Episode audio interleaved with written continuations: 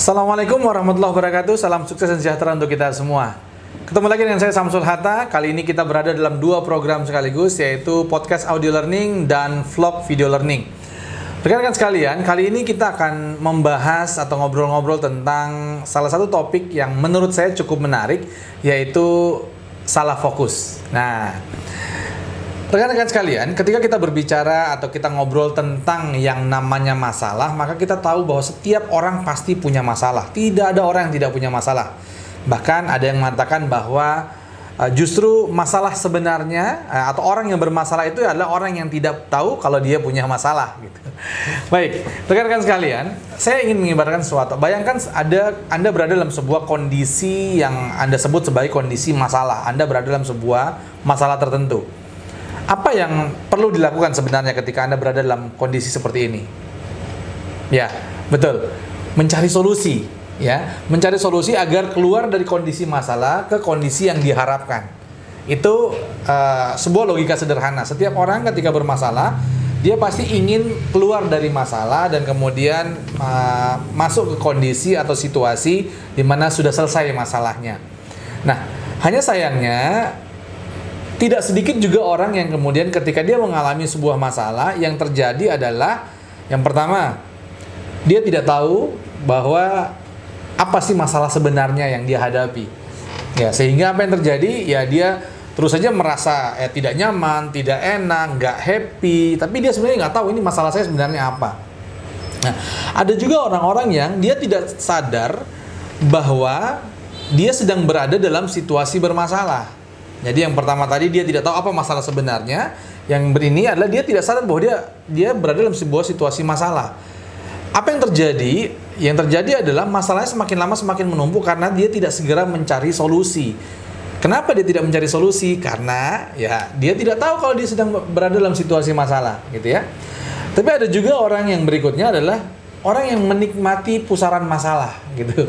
Jadi ketika dia berada dalam sebuah masalah, dia menikmati berputar-putar di lingkaran masalahnya tanpa atau kemudian dia lupa untuk mencari solusi yang sebenarnya perlu dia cari.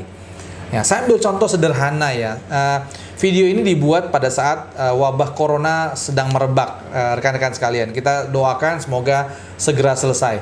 Mudah-mudahan Anda menonton ini wabahnya sudah selesai gitu ya.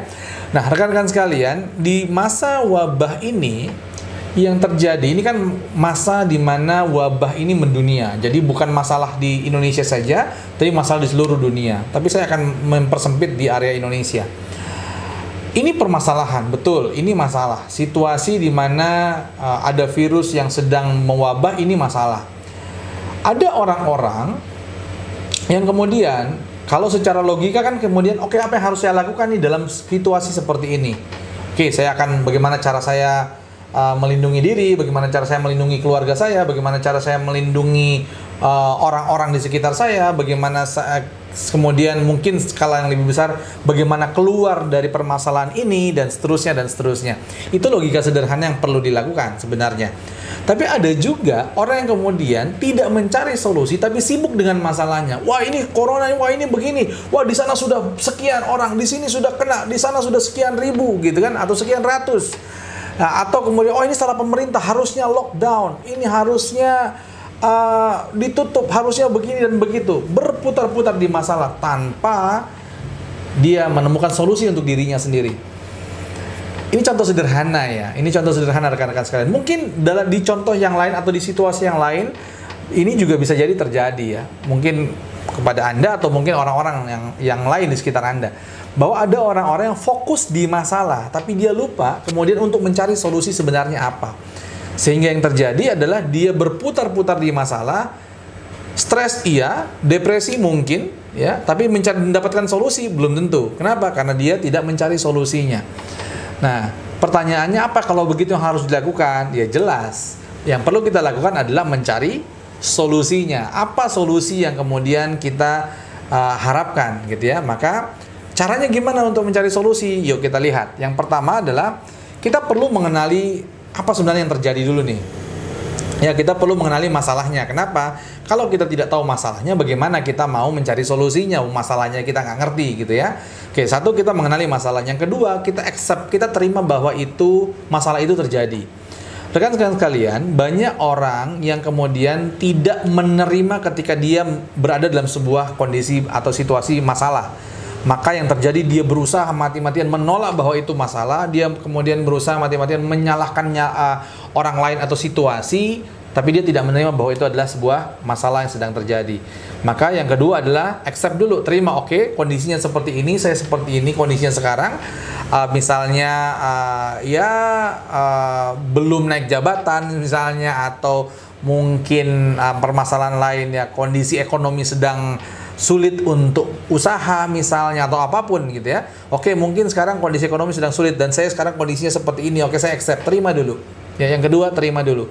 Supaya apa? Supaya kita mempersiapkan mental dan kita kemudian bi- tidak sibuk dengan menyalahkan atau dengan uh, ya mempersulit diri sendirilah gitu ya. Nah, kemudian yang ketiga adalah kita mengenali apa sebenarnya solusi yang kita inginkan. Ya.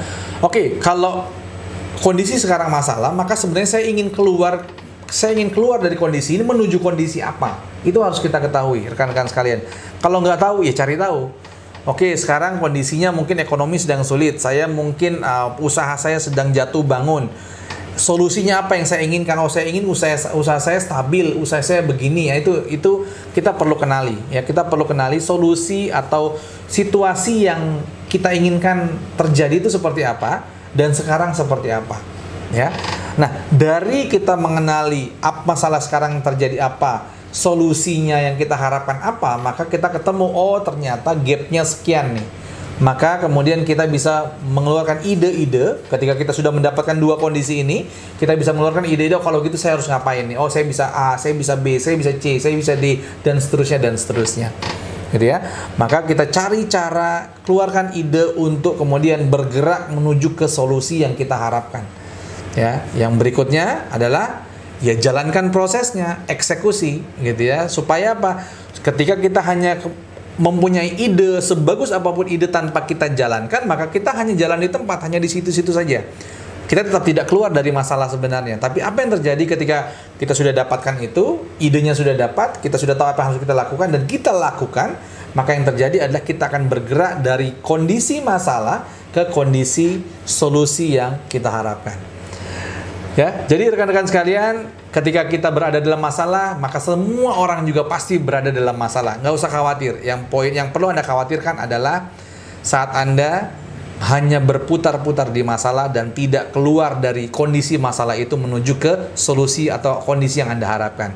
So, ketika Anda menyadari Anda dalam sebuah masalah, jangan khawatir, kenali masalahnya, ya, terima bahwa itu sudah terjadi, kemudian kenali apa yang Anda harapkan keluar dari masalah tersebut, kondisi apa yang Anda harapkan, kemudian cari ide-ide untuk menjalankannya, cari ide-ide untuk keluar dari permasalahan tersebut menuju kondisi yang Anda harapkan dan kemudian berikutnya adalah jalankan.